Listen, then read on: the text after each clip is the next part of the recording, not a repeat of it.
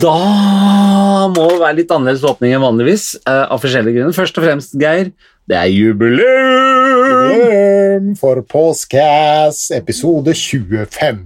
Du lytter så klart til podkasten Gi litt mer faen, The Podcast, med Geir Vigtil og Tommy Steine. Og jubileum, gitt. Du, episode 25. Det er, eh, det er lov å si. Jeg sa det til deg da vi starta. Ja. Det her blir ikke mange episodene, sa jeg. Nei, du tok feil. Jeg tok feil. Der også. Der også. Jeg tar masse feil. Ja, Du trodde ikke at det ville være noen som lytter på oss heller, og nå ser vi at det bare blir flere og flere som lytter på oss også. Det ser vi også. Så jubileum. Eh, og før vi går, da syns jeg at eh, praten vår i dag er, bør være litt tilbakeblikk på dette. Ja, for nå har vi holdt på så lenge. Jeg har holdt Det er på helt siden desember, da. Det er et halvt år. Ja, Ja, det er ikke verst, det. Det er altså. innafor, det, altså. Ja da, det syns jeg også. Jeg har hørt om postcasser som har gitt seg før det. Du har det? Ja, Wow. ja. ja, ja. men det er med mange.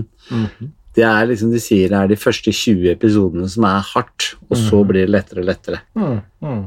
Så da er vi på god vei. Da er vi gjennom skogen i så måte. Men 25 episoder, eller 24 før i dag, da. Mm.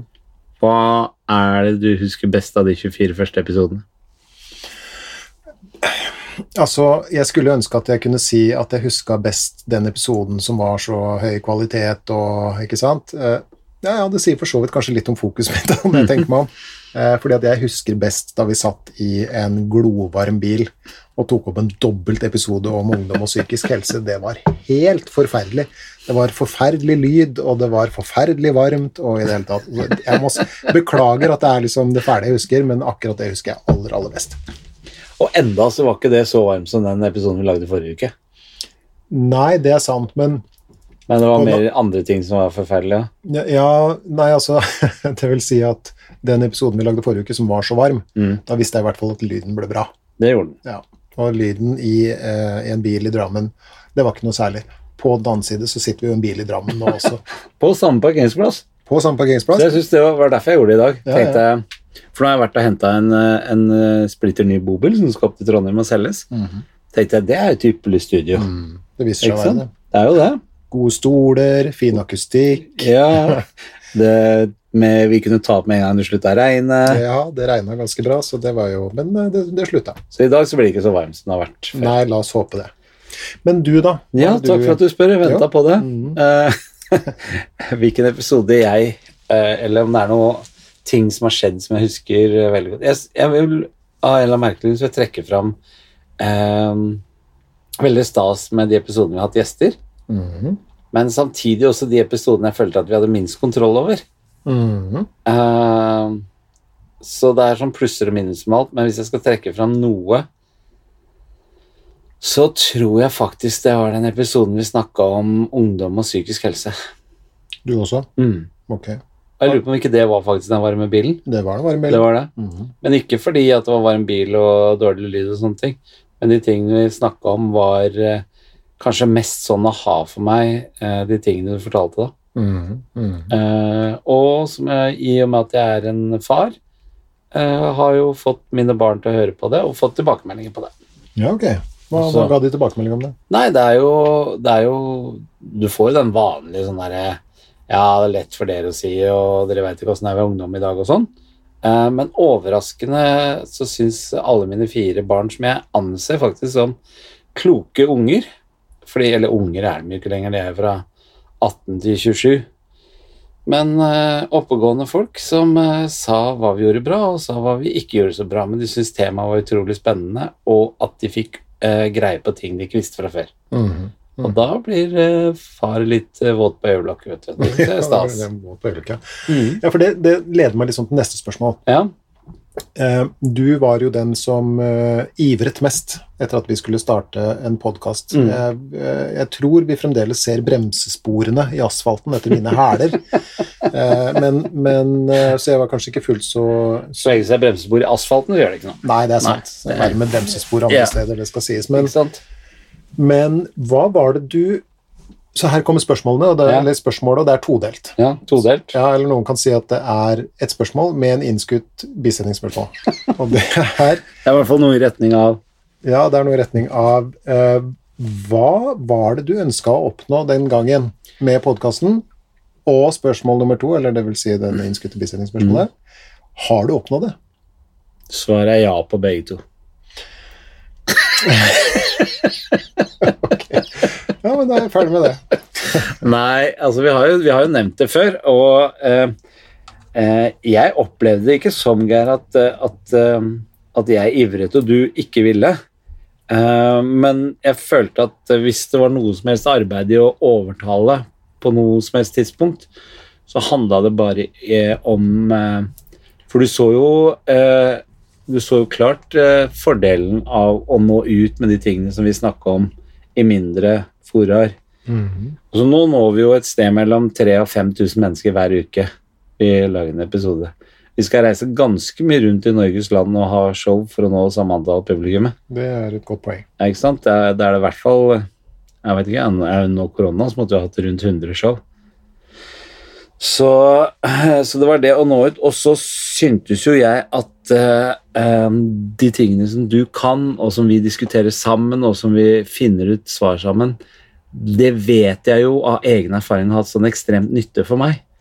Eh, og nå snakka vi om livsmestring her for litt siden også, og det har vært en del av, av at jeg er blitt flinkere til å mestre livet. Eh, og da tenkte jeg eh, da, Jeg tenkte egentlig akkurat det samme som da jeg leste boken din første gangen. Så det her må flere få greie på. Mm. Må, altså det, er noe, det er ikke sånn super sånn at bare «Åh, Aldri tenkt noe i den retningen i det hele tatt. Men måten du forklarer på, og måten metakognitiv terapi fungerer på, var veldig, veldig, veldig viktig for meg at eh, så flest som mulig fikk greie på. Mm. Mm. Eh, Så det var pri én. Sånn at hvis det, vi to kunne lage en podkast sammen, som jeg visste ville fungere sånn eh, For du og jeg har ikke noe problem med å sitte og snakke sammen både i det vide og det breie. Nei, det får vi til, det skal sies. Det gjør vi nesten hver dag. Eh, men eh, jeg tror også andre har glede og nytte av å høre når vi snakker om de tingene. Mm. Og da, da sa jo vi, hvis vi fikk bevis på at én ville dra nytte av det, så var jobben på en måte i boks. Og det har vi fått i gang. Så for å svare på en innskudd i bisetningen, så blir det et ja. Det blir et ja. Ja. Ok. Du, da? Hva var spørsmålet? Ja, hva, hvorfor ville du Altså, hva, gjorde, hva er det som gjorde at du til slutt ble med å lage podkast? Nei, det er jo det som, som du selv sier. Det er jo dette med å kunne nå ut til mennesker med et budskap om noe som ser ut til å bli viktigere og viktigere. Mm. Eh, jeg har jo Altså, en ting er jo at jeg lever i, i et samfunn selv, Mm. eh, men, men eh, det å ha eh, Det å snakke med såpass mange mennesker eh, om hvordan det er å være menneske, og se også hvilke både unike problemer vi har i dag da, med det samfunnet vi, vi har lagd oss, men også hvor eldgamle eh, problemstillinger som folk eh, eh, bringer til torgs, som det heter i, i gamle dager, eh, gjør jo at jeg er veldig, veldig opptatt av å bidra etter fattig evne til å gjøre livet så mye å bære som mulig, da, for Ja. så mange som mulig. Eller noe i den retninga der. Derfor vi har begge to livsmotto. Det er at når vi en dag forlater denne planeten, skal vi være med å bidra til at den er ørlite grann bedre enn når vi kom. Mm, mm. Men hvorfor trodde du da For det sier du jo, det sier du, tar jeg deg og sier av og til nå også, at det, var ingen, at det var ingen som hadde noe interesse av å høre på det du hadde å si? Har jeg sagt det? At sa nei, men det er sikkert ikke noen som vil høre noe om det. Og jeg, Nei, tror at folk, jeg tror ikke at folk Ja, vil høre på Nei, er dette noe folk vil høre på, da? Ja, det, er jo, ja, det, Sånn ja, sier du. Ja, det kan godt uh, tenkes at jeg i hvert fall gjorde, da. Ja, ikke så mye nå lenger. Nei, Men i eh, begynnelsen var det litt sånn. Ja, det, det var det. Og årsaken til det er jo at jeg nok antagelig tenkte at det var litt sånn selvsagt. Ja. Ikke sant? Men så viste det seg at det var ikke det. Nei. Uh, og som sagt, det å da få lov til å bidra med Og det er jo ingenting av det her som er uh, sugd av eget bryst, som de sier. Men, men uh, Noe er det. Nei, det er, det er jo ikke Jo, det. ja, Nei, vi kan tørre å si det. At det, er, vi, det er jo noen ting som du og jeg diskuterer oss fram til, og sånne ting, og så finner vi ut at sånn tenker vi. Jo, det er, det er så, men Ja. på den annen side så er det jo veldig lite av det vi tenker, og det mange andre tenker også for den del, som, som aldri er tenkt før. ikke sant? Så, så, og også det med metakognitiv terapi, det har jeg tenkt på mange ganger, og jeg syns jo at det er en veldig god terapiform, fordi at det, er ikke, det handler ikke om å, å fjerne plager og, og sånt noe like mye som det handler om hvordan du, hvilke holdninger du vil ha til både livet og til deg selv og tankene dine og følelsene dine. Mm. ikke sant? Og så kan man tenke at det er, en, det er, av en, det er noe av et avvik da, i, i, den psykologiske verdenen, på en måte. For der er det jo mange terapiretninger som tar sikte på nettopp å fjerne plager og, og, og få bort symptomer og, og Mm. sånt noe. Eh, og, det som antagelig da Eller det, ikke antagelig. Det som eh, har vært tiltrekkende for meg, og veldig logisk for meg også når det gjelder dette med metakognitiv terapi, er jo at det, det som sagt representerer en holdning da, Mm. til liv og følelser og tanker og, og, og, og sånn. Men dess mer jeg har lest om det, dess mer jeg har lest eh, hva skal vi si, om, om, om bakgrunnen for denne måten å håndtere livet på osv., dess mer ser jeg jo at det er eldgammelt tankegods. I går fikk jeg eh, en bok i posten. Mhm. Den har jeg gleda meg kjempemye til den kom. Eh, det er eh, av en, en, eh, en jødisk eh, psykiater som het Viktor Frankel. Og han satt i konsentrasjonsleir i, eh, i, i Auschwitz, blant annet. Og, og han skrev, da han kom eh, ut derfra, så skrev han en bok som heter 'Man's Search for Meaning'.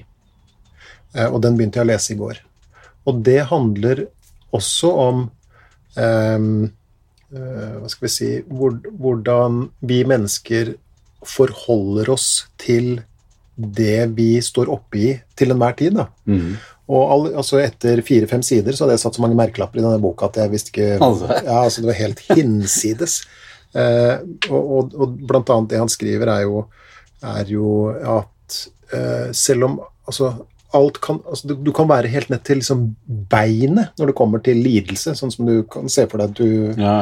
Er i en konsentrasjonsleir hvor du er fratatt alt av eiendeler, alt av verdighet, familien din er borte, altså alt er helt på, ned på stålet, og, og likevel um, ha Altså sitte igjen med det som, som nærmest er eh, hva skal vi si, et adelsmerke for mennesket, da, sånn som Viktor Frankel sier, nemlig eh, valget du har på hvordan du skal forholde deg til det du er oppi Mm. hvordan du skal velge å se på det. Og det er ikke noe sånn ha-ha, tenk positivt, men det er noe med å, å, å ta inn over seg lidelsen og likevel velge hvordan du vil forholde deg til den lidelsen. Da. Mm. Så jeg synes jeg, og Den skal jeg lese i, i kveld. Gleder meg skikkelig. Skikkelig. gleder meg til å få oversendt en del sitater. Ja, det vil antagelig komme en del sitater derfra. Men du, Ja. eh, nå er vi Det igjen var, på et, det var en, en ting som jeg, du sa helt i begynnelsen, som jeg, for- det du sa at du trodde så veldig mye av det var selvsagt. Mm. For det husker jeg også du eh, begynte å reagere på når vi reiser rundt med forestillingen, gi litt mer faen. Mm. Så er du fremdeles sjokkert, eh, eller lar deg sjokkere, mm. av eh, responsen til publikum. Mhm. Så du har sagt noe av det samme der. Mhm. Og responsen fra publikum er jo Den har jo vært eh, ekstremt god. Det som jo jeg ikke har eh, Det kan jo være en feilkilde her, og det er at jeg ikke akkurat har reist rundt eh, med, med noen sånne forestillinger før, men, men det jeg syns er veldig både ja, litt sånn halvsjokkerende, men også veldig ålreit, er jo å se alle de som kommer bort etterpå og takker. Mm. Ikke sant? Eh, og, og det har vel gjort at jeg har tenkt at Eller fått korrigert det synet da, på dette som noe selvsagt. Mm. Det er ikke det. Og så er det jo Det og så er det jo som vi sa i forrige episode, eller tror jeg, eller noe sånt der omkring, at, at hjernen er alene, og vi mennesker er jo hva skal vi si, til syvende og sist alene på denne Mm. planeten. ikke sant? Og, og det da få lov til å høre noen snakke om det jeg kanskje plages av på en gjenkjennelig måte, det gjør jo at jeg ikke føler meg så aleine som, Mm. som før. Så det har vært, vært ekstremt sterkt, faktisk. Også med denne podkasten og alle disse e-postene vi har fått. og Uh, ja, nei, det er, Mye sterke historier. det er veldig mye sterke historier, og det er uh, Jeg blir veldig, veldig takknemlig for å få lov til å uh, snakke om noe på en måte som gjør at kanskje ett menneske føler seg litt mindre alene i livet sitt. Ja. Det syns jeg er, det er et privilegium så stort at jeg knapt har ord for det. Så det, da har jeg, det har jeg endra holdning til. sånn sett. Ja, og da på en måte så eh, Vi lager i hvert fall 25 episoder til, da. Vi får se, da. Ja. Vi får se. Men du har lyst til å fortsette? Jeg har jo det. Ja. Jeg har jo det. Og det, det drysser temaer inn i skolten min hele tida. Men Som du var redd for ja, etter fire episoder. Så ringte du meg, og så sa du Du, nå har vi snakket om det, det og det. Um, hva skal vi ja, det viser seg å være ganske Og da var det jeg som hadde litt roen. Det var det da. Da var det jeg som hadde roen. Det er sånn som regel omvendt, men akkurat da sa jeg de kommer dettende ned i hodet på oss. Mm, For vi snakker om livet, mm, og livet skjer. mm. Livet skjer egentlig mens du legger planer. Var det John Lennon som sa det? Jeg vil, jeg vil, jeg vil gjerne altså, Noen Jeg vil ikke Beatles, si at jeg har sugd i eget bryst, det er sikkert noen som har sagt det før, Ja. men Noen i popbransjen på 60-tallet, antagelig. ja, røftlig. Ja, ja, og han har sikkert hørt det fra noen, eh, han også. Det skal du ikke se bort ifra. Men Hvis hvis du som bare, bare avbryter, eller innskudd bisetning eh, Hvis du som lytter på hører et og annet sånn knitrelyd og sånne ting, så ikke begynn å stille på noe som helst. Eh, vi er nemlig, i og med at det er en jubileumssending, så har vi tatt med oss ut i eh, Frinatur er litt drøyt å si, men det er veldig mye natur her. For det er på, på planta, Det heter ikke Plantasjen, hva heter det? Nei, Plantebørsen. Ja, Plantebørsen i Drammen. Ja, der sitter vi. Så, og det drypper litt fra himmelen innimellom. Og vi sitter i en bobil, og også den knitringa, da må du heller bare lene deg tilbake og få litt sånn eh, campingfølelse. Sånn god følelse. Jeg har bare sagt det. Ja, ok. Men du, hvis du skulle eh, eh, Med tanke på de 24, eh, 24 episodene vi har laget fra før, og 25 til i dag Mm. uh, Og så skal vi tenke på at nå skal vi uh, Etter i dag så skal vi ha en sommerferie på podkasten. Mhm. men så har vi blitt enige om at vi fortsetter til høsten. Ja, jeg syns jo det. Ja, ikke sant? Begge to har veldig lyst til det. Mm. Er det noe du vil ha forandra? Er det noe du vil gjøre annerledes til høsten? Det tror jeg er et spørsmål vi heller skal stille uh, lytterne våre. Ja. Ja. Hvis det er noen som har noe, noe som de ønsker forandra, eller noe temaer de ønsker tatt opp, eller noe sånt, noe, så jeg blir veldig glad for å få tilbakemelding på det. ja. Vi kommer med e-postadressen. Det gjør vi. Ja, I slutten av sendinga så, så vil du få all informasjon du trenger. Absolutt all. Men når det er sagt, det er én ting denne koronaen veldig effektivt satte en stopper for, Ja. og det var jo gjester. Gjester. Ja. Så jeg har noen gjester på blokka. Vi, snakket, vi hadde jo allerede noen på gang før det her skjedde. Eh, og vi har noen eh, fremdeles på blokka der, altså. Veldig, veldig interessante eh, folk. Og mange som vi nødvendigvis ikke tar så veldig mye plass i offentligheten sånn ellers heller. Eh, det håper jeg vi får forandra eh, til over sommeren. At vi kan begynne å, å få ha gjester igjen. Eh, Du og, har også kjente gjester. ja, det også, men For du har jo en drøm om en episode som vi skal lage en gang. Husker du sa til meg? Ja, ja, du tenkte på At jeg kan få med meg noen kollegaer og sånne ting, og så snakke Ja. litt om, ja, om vår bransje. kjendistilværelsen. Ja. Ja. Med ups and downs, hadde jeg sagt. Der, det, der har jeg mye å komme med, det gleder jeg meg veldig til. Ja, ja, ja. ja. og det tror jeg de fleste Som i de fleste bransjer. Ikke sikkert. sant. Ja, ja, ja. ja, det blir eh, fint. Ja. Og så har vi som sagt eh, en del andre folk, både kjente og ukjente, ja. eh, på blokka. Noen har vi sagt det allerede. Noen Men felles for alle at vi gleder oss sykt til å ha dem med. Felles for de alle er at det er levde liv vi Ja. om. Og det, det blir stas. Ja. Mm. Enn du, da? Er det noe du ville endre på? Nei, faktisk ingenting. Såpass? Ja. Og jeg vet at du er veldig opphengt i dette her med lyd og studio og sånne ting. Mm. Men eh, er det noe koronatiden har vist meg, er at eh, eh, forandring er ikke så farlig, altså. Mm. Nei, det er På alle områder.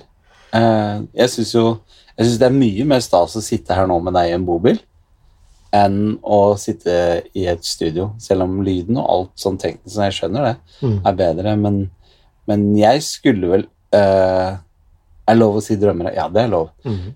Jeg syns det har vært dødskult at uh, at en gang i måneden eller uh, at, at vi reiste rundt. Et rullende Ja, et rullende podkaststudio. Eh, laga Fått gjester fra ja, Det er ikke alle som har mulighet til å reise inn til oss i Oslo på studio. Det er sånn, Nei vel, da, da har jeg bobil, så da reiser vi til dem. Det hadde vært veldig stille. Hadde ikke det vært kult? Ja, ja, ja, det er en mulighet, det Det er mye som kan skje til høsten. da. Mye kan, Ja. mye kan skje. Og vi kommer i, mest sannsynligvis i gang igjen med forestillingene våre òg. Nå har vi ikke gjort det på tre Vent, da. Mars, april, mai, juni Vi er snart i fjerde måned siden sist gang vi hadde forestilling. Ja. Nei, Ikke planlagt. Det er Mm. på tide. Det er det. Men vi skal, før vi tar sommerferie på podkasten, så må vi ha et tema i dag òg. Vi må det. Har du tenkt ut noe lurt? Ja, det, det har jeg. Ja, nå er jeg spent. Jeg har eh, tenkt ut et, ikke bare et tema, men en tittel. Men du er blitt der, du, nå. Ja, Ja, det det er er, så også sånne ting dukker opp i hodet mitt, nemlig. Så det må være en eller annen bivirkning av det vi driver med. Ja. Men, eh, men tittelen på dagens episode er Ja. 'Fra kaos mot orden', kolon, praktisk problemløsning i hverdagen. Wow. Ja. Og så kan man jo tenke at eh, det var noe av en sånn eh, tabloid overskrift, men eh, den stikker nok dypere enn som så.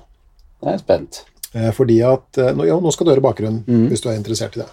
Det her er helt ekte. Altså, jeg har hørt tittelen, mm. men jeg har ikke peiling på hva du har tenkt. Nei, nei, nei. Så hvis sikkert folk sier nei, nå later han som. Ja. For dette, det gjør jeg ikke. nei, nei det gjør det ikke. Veldig lite lating Du her blir veldig glad når jeg lager titler og kommer med forslag og sånn. Ja. Og så møter du bare opp med Ja, for jeg er spent på ja, hva det- hyggelig deg, Ja. ja. og så tar vi det derfra. Ta det derfra. Hver gang. Mhm.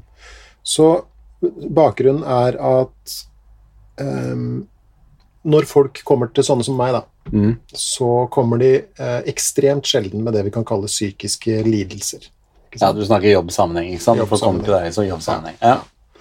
Eh, de kommer av og til med eh, psykiske plager, kan vi kalle det. Mm. Ikke sant? Det er et eller annet som plager dem. Men hvis du ser litt nærmere på det, Mm. så er det en årsak til at disse plagene er der. Mm. Og årsaken er eh, til 99,9 eh, Hva skal jeg si Livet selv. Så det er livet selv som har slått krøll på seg, og så får man symptomer som er ekstremt plagsomme og vanskelig å håndtere i hverdagen, og smertefulle. Og så kommer man til sånne som meg, da. Ja. Går det an å si at generelt, for jeg tenker på, på meg sjøl, liksom, så eh, Grunnen til at man kommer til eh, sånn som deg, eller har behov for den type samtaler Jeg veit du ikke liker ordet hjelp og rådgivning og sånn, men Jo, det går fint an å si det. ja, Altså. det går bra. Ja, ja. Nei, bra. Uh, at uh, et lite fellestrekk er at man enten lever et liv eller har et liv nå som man ikke er fornøyd med. Mm. Eller som man ikke håndterer så bra. Håndterer Ja, Mm. fordi at mm, For eksempel at noe har skjedd, ikke sant. Enten i fjern fortid eller nå, eller kanskje til og med noe som ikke har skjedd, men som man engster seg for skal Ja. skje. ikke sant. Og, og det folk kommer til meg med, som sagt, er symptomer på livet, på en måte. mm. Og hvis jeg skulle kalt det de kommer med til meg for utfordringer, så tror jeg de hadde blitt ganske fornærma. Ja. Folk kommer til meg med problemer. Ja. Og sånn så jeg ikke på det før. Sånn har jeg begynt å se på det nå. Kutt ut det piss man kaller det utfordringer. Det er problemer. Det er problemer. Ja. Og der var en dame for en tid tilbake som sa at nå er det lov å si problemer igjen. Ja, hun sa det? Ja, ja. Ja, så jeg har, jeg har Det slutta å om bruke en gang før ja, jeg har sluttet å bruke det ordet. Ja. Jeg bruker det ikke mer. Det er problemer. Og en av de tingene vi da kan øhm, gjøre, istedenfor å jobbe så fælt for å få bort øh, symptomer og sånt noe, Mm. det er å begynne å se nærmere på hva disse problemene består i. Mm. Fordi at vi har jo snakka litt om Og det her er blitt et sånt eh, Et sånt bilde eller et begrep som jeg har, eh, har eh, etter hvert begynt å liksom bruke opp i hodet mitt. da. Mm. Og det er dette med um, kaos og orden. Ikke sant? Mm. Sånn at når folk får for mange problemer, står overfor for mange problemer, får for mange uh, livssymptomer, så er det mange som opplever det at de kastes ut i et kaos. Og det er ikke noe kult. Ingen kler kaos. Ingen kler kaos. Nei. Der har du vært. Det har vært masse kaos. Jeg Og også. det, det er jo ingen, det er ingen som fungerer optimalt når det er kaos. Nei, det er det ikke. Så for meg så var jo, når jeg begynte å snakke med deg, så var det veldig mye som var kaos. Det var følelseskaos, det var kaos i livet mitt, det var kaos i tankene mine. Eh, og ingen liker vel den derre følelsen at du mister kontrollen. Mm. Mm. Miste kontrollen, miste oversikten. Mm. Ikke ha fotfeste, ikke ha noe fast punkt. Vi har eh, i, altså Der jeg jobber, så har vi et, eller et ord på det. Mhm. Fordi at eh, hvis vi da um, har en person som, som uh, søkes inn til oss, da, og som har problemer på veldig mange felter i livet Mm. Så det kan være relasjonsproblemer, det kan være økonomiske problemer, helseproblemer, masse problemer. ikke sant? Så kaller vi det ofte for eh, støy. Mm. Det er så mye støy, jeg vet ikke riktig hvor jeg skal starte, kan Ja. mine kolleger si, f.eks. Jeg kan si det sjøl også. Um, og så hadde jeg da en, eh, en tidligere kollega som en gang kom inn på uh, kontoret mitt, og så sier hun uh, Hun var såkalt jobbspesialist. Vanja het, heter hun. Hun er ikke død. Nei. Neida, men jobber ikke hos oss lenger. Men en veldig bra dame. Hun kom inn, og så, og så sier hun ja, det er så mye støy, og jeg vet ikke riktig hvor jeg skal begynne. Og, så videre. og så satte vi oss ned og begynte å, å drodle litt på hvordan vi kunne angripe det problemet. da. Og det skal si nå høres kanskje litt sånn banalt ut, mm. men for folk som eh, hva skal vi si, får høre der, og som har de problemene de har, så er det ikke banalt i det hele tatt. Kan jeg forsikre deg. Så det vi gjorde da, var at vi satte oss ned, og så satte vi opp tre eh, Hva blir det en, Setter opp tre kategorier på et ark. Ikke sant? Tre sånne kolonner. Og de kolonnene Dette er en problemoversikt. Mm. Så dette er eh, en måte å håndtere problemer i livet ens på. Ja, så du kartla problemene, på en måte? Kart, en kartlegging av problemene, det er Ja. riktig. Ikke sant? En slags sånn ordning Ja. kategorisering av, av uh, problemer. Fordi at når alt er kaos, Mm. når alt er bare en sånn Se for deg, se for deg et ordna garnnøste, da. Det er jo én ting. Men hvis du tar og hiver det garnnøstet rundt omkring og så bare drar sammen alle trådene igjen, så har du bare en sånn uhåndterlig ball av tråder, på en måte, og det er det veldig mange som kommer og, og forteller, da, enten direkte eller indirekte, at sånn er livet mitt nå. Og når alt er bare en sånn uh, kaosball, da må vi finne et eller annet fast punkt. Vi må ha det ene faste punktet hvor vi kan begynne å nøste sammen med den personen vi sitter uh, overfor. Så da deler vi inn problemer i tre kategorier. Okay. Så det var det, det jeg og min kollega satt og styra med da. og Vi Ja. følte oss som nobelpriskandidater. Folk har jo tenkt på det her før, så det er ikke noe med det. Men, men eh, da, akkurat da så følte vi oss skikkelig smarte. Nå er jeg spent, altså. Ja, det bør du. Fordi at kategori én av Mm. problemer Du kan prøve det her sjøl hvis et eller annet butter imot, da, Mm. som ikke fungerer, liksom. Så kan du Hvis det er en periode som er sånn, f.eks., så kan du sette deg ned og sette opp disse tre kategoriene. Og den første kategorien så eh, kan du kalle løsbart nå. Mm. Det er problemer du kan ta tak i umiddelbart og få en umiddelbar effekt av. Så er spørsmålet hva er eksempler på det? Jo, um, mange kommer jo til meg og snakker om stress, f.eks. Mm. Og da er jo Den beste måten å veilede på er å stille spørsmål. Mm. Ikke sant? Den beste måten å få noen til å forandre noe på, er å nærmest få dem til å tenke det sjøl. Ja. Ikke sant? Og det er jo en egen kunst. Det er jo det som kalles veiledning, altså lede på vei. Mm. Og, så du, du stiller deg spørsmålet er, er det noe som du kan uh, fikse nå med relativt enkle grep? Og når det gjelder stress, så er det jo en hel rekke ting. For eksempel så kan jeg jo um, ja, skal vi si, det Forsøke å gjøre noe som er litt ålreit innimellom. Og ikke bare være på jobb, f.eks. Ikke sant? Men dra på kino med mannen min, eller et eller annet sånt. Som gjør at jeg får litt eh, både glede og avslapning i livet, da. Mm. Neste punkt som kan klinge litt inn i det der, er jo dette med å skille mellom arbeid og fritid. Det er det mange som er forbløffende dårlige på. Um, dette med å ikke hvis du, er, hvis du er i den jobb, og det er, sånn er, De fleste jobber er jo sånn at du, du trenger ikke å sjekke e-poster i hytt og gevær. ikke sant? Du, når du er på jobb, så er du på jobb, og når du er fri, så har du fri. Mm. Så er det noen som har- er hederlige unntak, da. Jeg vet ikke. Hva skulle det vært? Det er Hvem er det som er nødt til å sjekke e-posten når det er fri, da? Nei, det må jo være Aksjemeglere, må de det? Nei. Nei, ikke mailen. De må jo følge børsen og sånn, så klart. Så Det er vel lenge, aksjemeglere som har vakt når ikke de har vakt, eller må de være på jobb hele tiden? ja, men det er ingen som kan megle for de. Er det ikke det? Nei.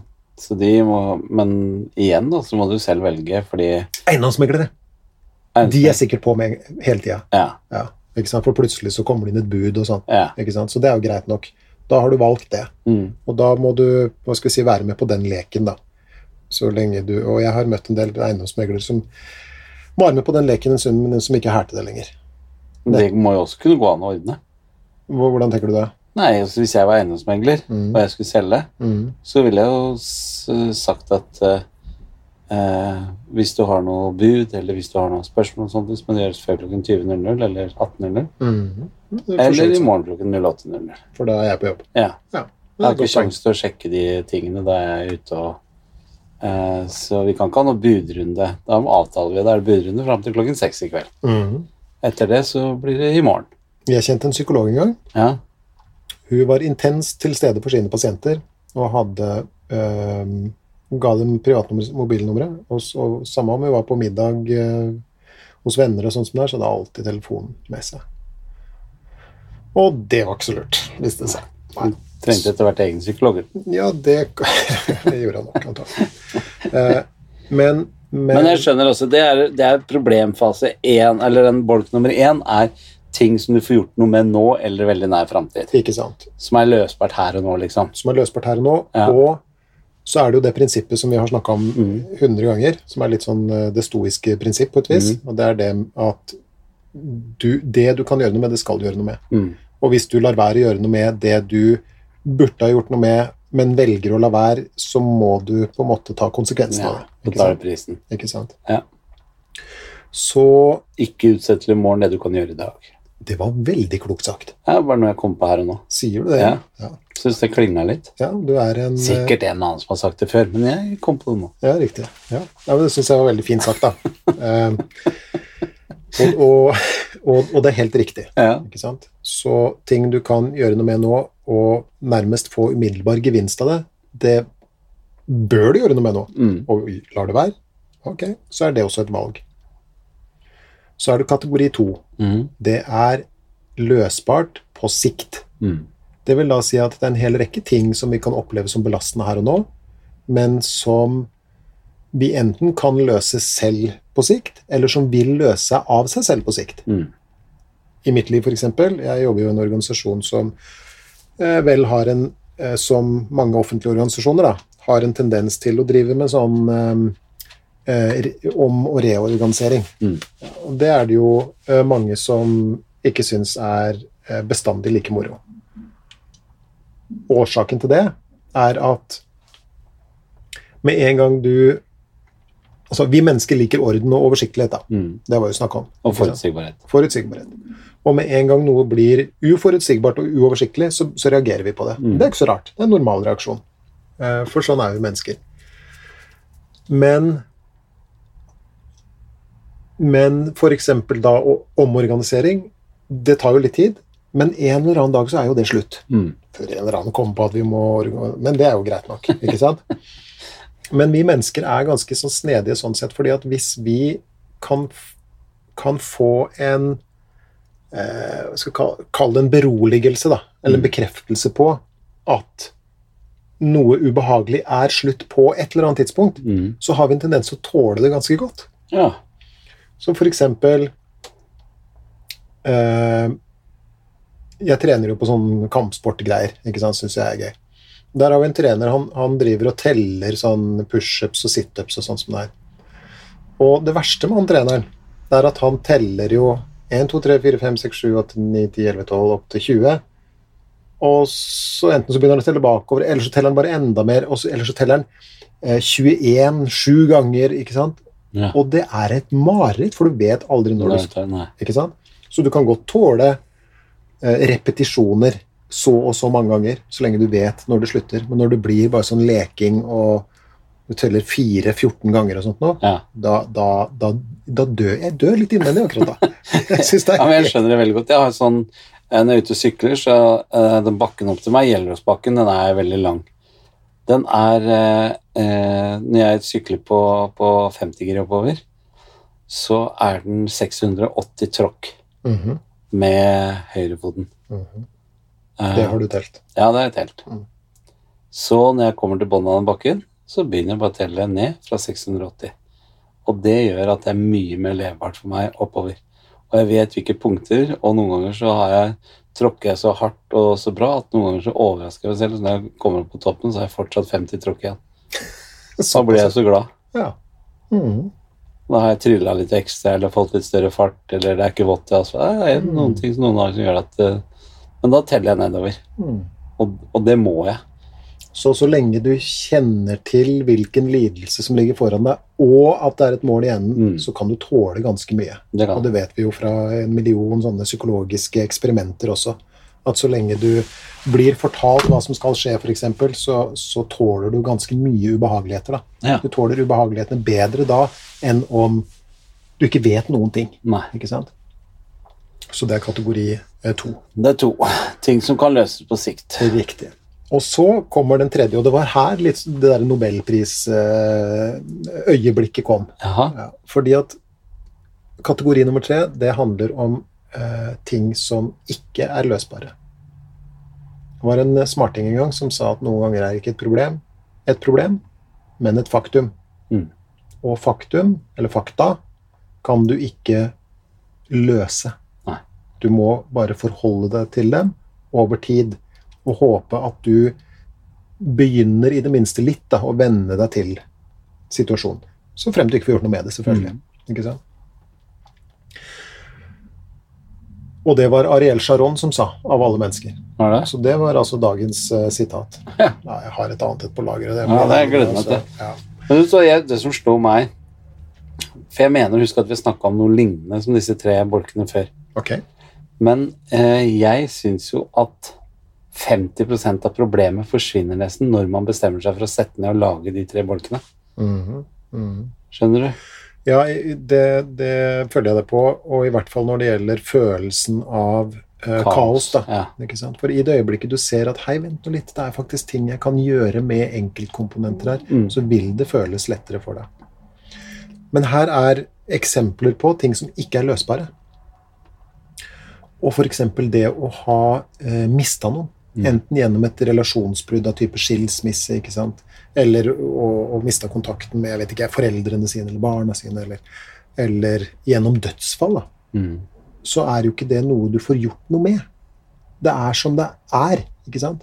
Um, ja, ja, så Du kan jo selvfølgelig jobbe med relasjoner, er men noen, ja, ganger er, noen ganger så er relasjoner så hinsides redning også. Ja. At det er liksom Det er bare sånn, på en måte. Mm. Men i hvert fall når det gjelder det å miste noen ved dødsfall, så, så er det jo ingen vei tilbake. ikke sant? Og, og det samme gjelder det å ha hatt en, en eh, fæl barndom, f.eks. Så er jo ikke det heller noe å gjøre noe med. Mm. Det er jo fælt, og, og, og noen ganger så det, har det vært straffbart. Og? Det er masse Mm. greier, og mye du kan si om det, men, men det er jo ikke noe å gjøre noe med. Alt du kan gjøre, er å forsøke å leve med det som har skjedd, på en måte som er i det minste sånn passe Hva skal vi kalle det? Overlevbart. Ja, eller noe sånt. Mm. Og, og et siste eksempel kan være dette med at livet per se er jo et, et uh, uoversiktlig prosjekt. Mm. Ikke sant? Og det er masse Det meste kan jo skje. Heldigvis. Ja, og på Ja. ja. Og, og, og Nei, jeg ville ikke levd et liv hvor jeg visste alt som skulle skje. Nei. Det kan du spørre folk om. Eksempel, vil du visst hvilke Du, vet jo det der med DNA-testing og sånt. Mm. Vil du vite hva slags sykdommer du skal få? Nei. Nei, nei, nei. Folk vil ikke det. Nei, jeg vil ikke vite hvor gammel jeg er når jeg dør heller. Nei, nei, nei. nei godt poeng. Godt poeng. Men skjebnen har jo ting i, i eh, Hva skal vi si i bakhånd for oss alle. Det vet vi ingenting om. Og noen, sånn som du forteller, greier å leve sånn passe godt med det og tenke at ja, ja, det som skjer, det skjer, og jeg får ta det når det kommer og, og, og sånt noe.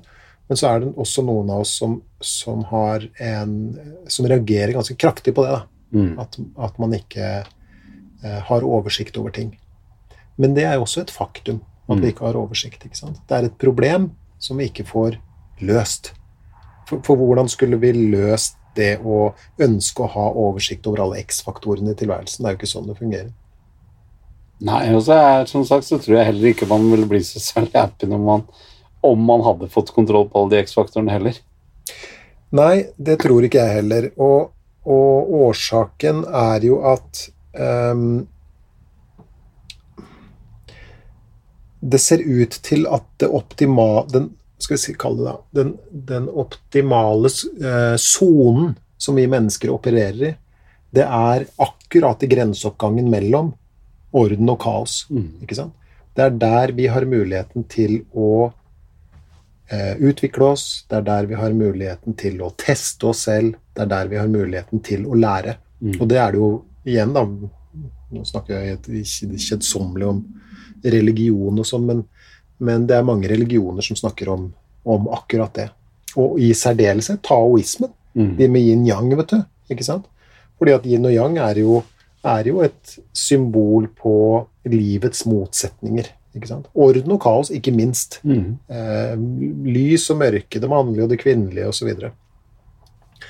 Eh, men det taoismen eh, sier nå om, er at livet leves best i overgangen mellom altså grenseoppgangen mellom yin og yang. Da.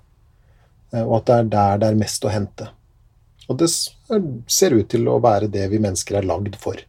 For hvis du har for mye orden i livet ditt, hva er det du blir da? Da blir du jo låst og Bundet av regler og ja, satt og, og, og tvangsprega og i det hele tatt. ikke sant? Og ikke minst så vil du antagelig sykne hen og dø av ren kjedsomhet. Ja, ikke sant? Ja. Og så kjenner vi også alle noen som har for mye kaos i livet sitt. ikke sant? ja, kjenner noen. Ja, ja. Ja. Nei, men altså, ikke sant? Man kan jo se det, se det rundt seg, og, alle har vi det fra tid til annen. Mm. ikke sant? Alle blir vi kasta ut i kaos når, når noe uforutsett skjer. Eh, og det, hvis vi ikke allerede har erfaring med det, så vil vi få erfaring med det. Og så finnes det helt sikkert de som trives med eh, mer kaos enn andre. Eh, fordi at Men det er som alt annet du har sagt. da. Hvis, hvis kaoset blir til hinder for at du har det bra, Mhm. Da er det et problem. Mm. Men jeg har flere kompiser her som syns det er Som lever helt fint med at uh, Nei, nei, jeg får ikke gjort noe. Får kjøpe ny eller? Altså, det er liksom at det er, Jeg hadde klikka hvis jeg hadde hatt det så kaos som de har. Mhm. Mens de hadde helt sikkert klikka hvis de hadde hatt for mye orden også. Mhm. Så for dem så er jo ikke det kaoset et problemkaos. Mhm. Skjønner du hva jeg mener? Ja, jeg skjønner hva du mener. Så de beveger seg jo på den grensa, de også, men, men lenger over grensa Ja. mot kaos enn det Ja. kanskje vi ville trivdes med. Ja. da. Jeg er jo kanskje I hvert fall du. I hvert fall jeg. ikke sant? Jeg er jo veldig glad i orden og Du sånn. er veldig glad. Du er nok mer over på den siden. Det tror jeg nok. Der ligger Sånn. trivselsområdet ditt, din komfortsone. Litt trygghetssøkende i, i så måte. Ja. Men vi vil alle periodevis ehm, kastes ut i kaos. Og tror du det er mer kaos? Det her er jo Tommys spørsmål nummer én i de 24 foregående episodene. Tror du det er at folk opplever at det er mer kaos i dag enn det var før? Jeg, eh, jeg er ikke så sikker på det, altså. Ikke hvis du bruker det begrepet, nei. Nei? Fordi at kaos har alltid tatt oss, ikke sant? Um, Men hvis du bodde Altså, på en bondegård Ja, men hør nå. Hør nå. Jeg, skal, jeg skal prøve å resonnere litt med tanke på det temaet. fordi at jeg tenker jo at det vi mennesker fra tidenes morgen har prøvd på da, Prøv å følge meg litt på det her. sånn. Det vi har prøvd eh, på fra tidenes morgen, er å eh, ordne verden, skape litt mindre kaos. Mm. Sånn at det, det som skjer med de første samfunnene, f.eks., jord, la oss si jordbrukssamfunnene, det er jo at vi søker sammen. Mm. Eh, Vi koordinerer arbeidsinnsatsen vår nettopp for å få mindre kaos. ikke sant? Og så begynner vi å bygge murer rundt byene våre. Mm. Og det er jo virkelig ja, Det er jo litt sånn yin-yang-aktig, det også, fordi at du får en, du får en mur rundt eh, kulturen, og så har du naturen på utsida. Naturen er kaotisk, Mm. og kulturen bør være ordna. Ikke sant? Sånn at en, en by som er inngjerda, er selve symbolet på orden. Ja. Skjønner du hva jeg mener? Eh, Et fengsel òg. Det er det du mener. Det blir jo et fengsel hvis du blir sperra bak murer. Jo, hvis du blir, ikke sant? Det er ikke det jeg snakker om, men jeg snakker om at vi eh, ordner oss eh, Strukturert samfunn. strukturer og så videre. Sånn, ja. ja. For å holde kaoset og, og, Og den kaotiske naturen Ja. på avstand, ikke sant. Eh, men Så det, det er en ting på samfunnsnivå. Ikke sant? Det er sånn som det, det samfunnet vi nå sitter i. Ja. Vi sitter på en parkeringsplass der det er streker i asfalten som viser oss Du har parkert på tvers, da, men det er Ja. greit nok. men det er streker i asfalten som viser deg hvor den enkelte bilen skal stå. Og når vi kjører ut herfra etterpå i hver vår bil, så, så vil det være regler i trafikken som hindrer at det blir kaos, Kaos, ja. og, og at orden brytes opp. ikke sant? Mm. Men i, i et enkeltmenneskes liv så kan du være sånn som jeg, da, som foretrekker det ordna. Mm. Som foretrekker så lite risiko som mulig. Eh, som, som skyr eh, litt sånn eh, det, det uoversiktlige osv. Så, videre. eh, så vil også jeg periodevis eh, transporteres ut i det kaotiske, da. Fordi at ting skjer. Mm. Ikke sant? Og jeg har, det, på lik linje med, med deg, så har jeg også et levd liv, ikke sant? Og vi, har, vi kjenner også folk som eh, Den ene dagen eh, så, så står de opp, alt er i orden, og på kvelden så, så har noe så katastrofalt skjedd at, at livet deres nær har rakna. Ikke sant? Jeg jobba jo i akuttmottak, og jeg, jeg husker jo eh, jeg husker jo hvordan jeg f.eks. da var med på gjenopplivninger og sånt, la oss si hjertestans f.eks. Og hvordan jeg tenkte sånn der Det her tenkte du antagelig ikke på da du våkna i morges. Nei. Ikke sant? Og, og, og det var en slags sånn eksistensiell filosofering bak det. Sånn derre Jøss, så gæli kan det gå, liksom. Mm. Og, og poenget er at det her hørtes jo fryktelig deprimerende ut, men, men det var ikke meninga det. Men, men på den annen side, altså hvis, du, hvis du skal gå rundt og tro at du er fritatt fra kaos i livet ditt, så tar du feil. For Mm. før eller seinere så vil du komme dit selv, da. Og det som skjer når du da kastes ut i kaos Jeg vet ikke om du kan huske det fra, for du har jo brukt, eh, brukt denne Kall det litt sånn krisa, da. Mm. Og fortalt om det og, og sånt noe. Eh, fra scenen, eksempel. Eh, så, så er du en dag på et sånt relativt eh, et relativt kjent terreng, da. Og i neste, neste dag? Så, så er du et helt annet sted. Mm. Men det som skjer når man plutselig befinner seg i kaos og ukjent terreng, så får du det som kalles en orienteringsrefleks. Og det er litt samme eh, greia som skjer hvis du mister en tann, f.eks. Har du, har du mista en tann noen gang? Ja, du har jo det. Du har jo vært seks år gammel, du òg, så Mm. mista en fortann. Jeg har ikke melketenner lenger nå. Du har ikke det? Nei. Nei, nei, det tror ikke jeg lenger har. Altså. Men, men poenget er at la oss si at du mister en bit av en tann eller en plombe, som man gjorde i gamle Mm. dager. og spiste karamell og sånn. Det, det du opplever, er at tunga di hele tida søker opp i det som liksom Mm. Mangler, det som har forandra seg. Og det Mm. fortsetter ganske lenge. da, Mm. ikke sant? Og hva er det for noe? Det er hjernens måte å forsøke å tilpasse seg et nytt terreng på, en ny situasjon på. Og akkurat samme eh, refleksen kan vi, eller har vi mennesker, når livet vårt forandrer seg. Da bruker vi jo ikke tunga, selvfølgelig. ikke sant? Eh, Det ville sett veldig rart ut, men, men da bruker vi tankene våre. Da begynner vi å analysere og gruble og bekymre oss og overtenke og sånt. Og akkurat det samme er en sånn eh, det vi kan kalle en orienteringsrefleks. Og det er det folk kommer med til meg. Ja. Da er de i den fasen. ikke sant? Og det beste vi mennesker kan håpe på, er at vi enten greier det sjøl eller får hjelp av noen til å orientere oss i kaos på en sånn måte at vi får nyorientert oss på en eller annen måte. Da. Det betyr jo ikke nødvendigvis at symptomer forsvinner, og at livet blir bare fløte og hva de kaller det, honning eller et eller annet. Mm. Men, men at vi kanskje greier å gjenskape såpass eh, orden at, at livet kan leve som noenlunde igjen. Men det syns jeg jo at vi Veldig mange av oss har fått testa nå med korona. Ja, det, er et ekstremt godt eksempel. Ja, takk. Mm. Jeg bare kom på meg selv. Mhm. Eh, fordi her har vi jo blitt kasta ut i kaos. Ikke kan vi jobbe som før, ikke kan vi ha kontakt med mennesker som før. Helt nye ting som, eh, som råder, i tillegg til en, en sykdom som ingen har altså Vi kan ikke, vi kan ikke hengi oss til eksperter, ingen, for ingen har, hadde noe erfaring med det før det datt ned i huet på oss. Eh, og, eh, og i begynnelsen så var det veldig kaos. Men det tok jo utrolig Det gikk veldig fort, syns jeg, før folk innfant seg med situasjonen. Mm. Og ja, bortsett fra siste uka nå, da, så eh, syns jeg jo at eh, folk har hatt veldig respekt for det og eh, Hva skal jeg si eh, etterlevd det. Mhm. Og selv om det er masse som er kjipt, og bedrifter som har gått konkurs, og folk som ikke har fått penga sine og sånne ting, men i hvert fall sånn generelt syns jeg eh, at vi har vært flinke til eh, eh, å innordne oss det nye, det nye ja, det kaoset. Når kaoset fikk lagt seg, man fikk begynne Ok, da får vi ha hjemmekontor. Eh, barna skal hjem fra skolen, da må vi gjøre det fra tolv til to, og så får jeg ringe jobben. ikke sant? Mm. Så var det eh, veldig Nei, litt sånn Det var ikke ubetinga negativt, da, er egentlig det jeg prøver å si. Ja, ja. Ja. Og jeg eh, Det er eh, det eksempelet falt meg ikke inn engang, men det er jo, det er jo øh, kanskje det aller beste eksempelet. Ja. Hvordan vi som samfunn var på ett sted den ene dagen, Mm. og neste morgen ikke sant? Jeg husker jo da jeg gikk på, på, på jobb øh, den 12. mars, og det var mumling ikke sant, om, øh, om dette viruset, ikke sant? og det var nifse nyhetssendinger og sånt noe.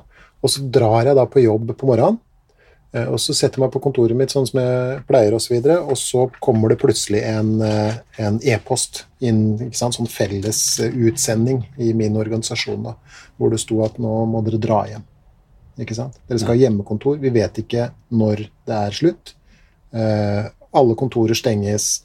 Vi går inn i noen form for nødmodus for å, å sikre eh, vår organisasjons oppgaver osv. Og, så og der har du der har du nettopp um, Det er veldig dramatisk, da. ja, ja, men det er jo det det er. Ja. ikke sant? Og alle sånne ting er dramatiske, uansett hva som skjer, enten det er på samfunnsnivå eller i et enkeltmenneskes liv, så oppleves det ekstremt dramatisk. Mm. Eh, Men det som skjer, er at nettopp vi får denne orienteringsrefleksen. Vi begynner å tilpasse oss. Og det er jo det som skjer Det er, det er, jo, det er jo det som er Det, det er jo denne tilpasninga som, som skjer når La oss si det, det de fleste av oss frykter mest, da er jo liksom dødsfall i familie og alt mulig sånt som det er. Og, og det folk sier, eh, er jo at ja, men til tross for all smerten osv., så, videre, så blir det i hvert fall litt bedre med tiden. Mm. Vet ikke akkurat hvor lang tid det tar, men ikke sant? Altså, men det som eh, Spørsmålet er jo blir det bedre, eller er det vi som misforstår meg rett, blir mer vant til det? Ikke sant? Blir mer tilpassa situasjonen. For vi mennesker, og det har vi jo snakka om mange ganger før, er ekstremt tilpasningsdyktige, altså. Vi er så tilpasningsdyktige at vi til og med kan finne mening i en konsentrasjonsleir. Ja. Ikke sant? Og nå sier jeg ikke at det er et krav at du skal finne mening i en konsentrasjonsleir, ikke sant? for det er det jo, det, mange bukka jo fullstendig under, men, men, eh, men som sagt, det sier noe om oss som art. Det sier noe om oss på gruppenivå, Nivå. ikke sant? Mens enkeltmennesket, eh, der er det større hva skal vi kalle det, variasjon, da.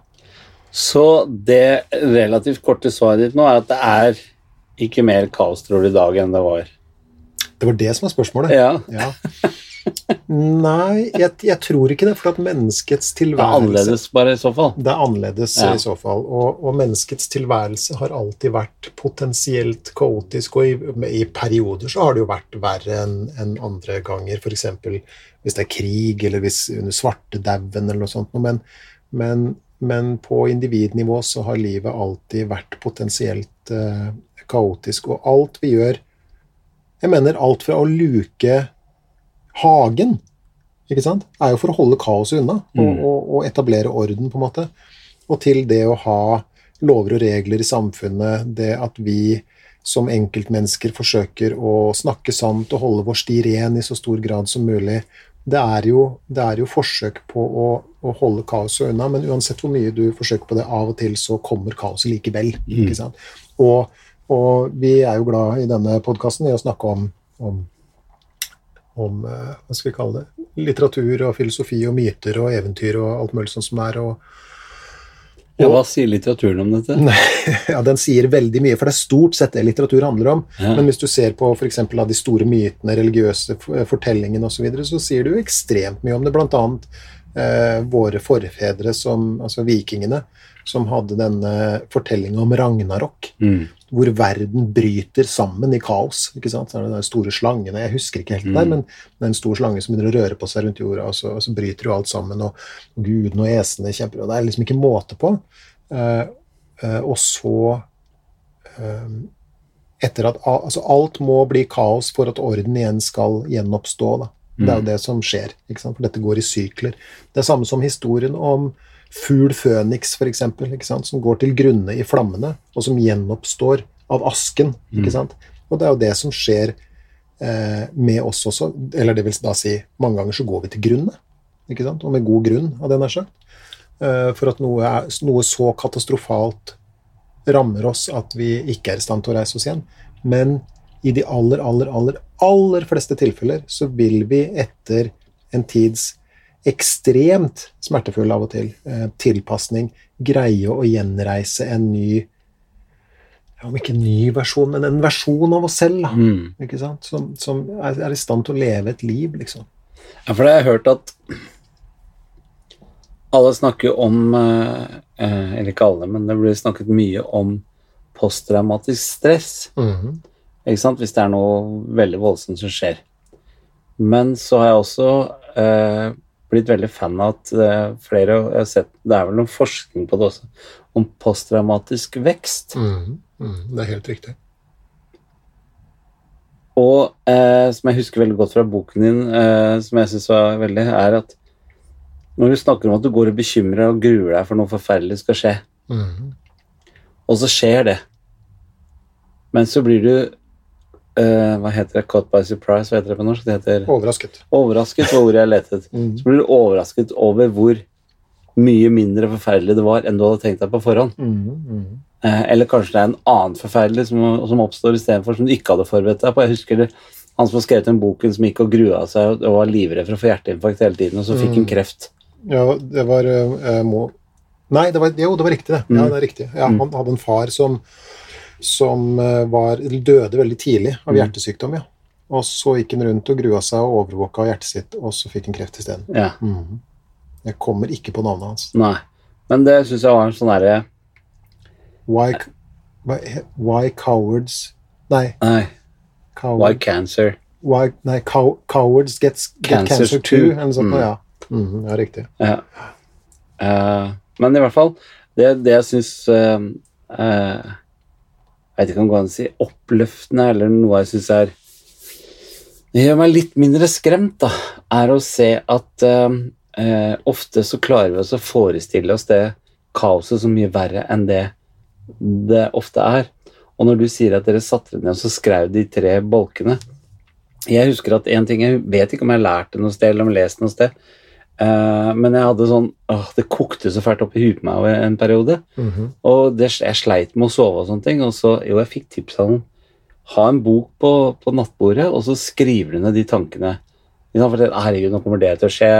Uh, og jeg har glemt å sende den, og nå skal regnskapet inn der, og forskuddsskatten er i hvert fall liten.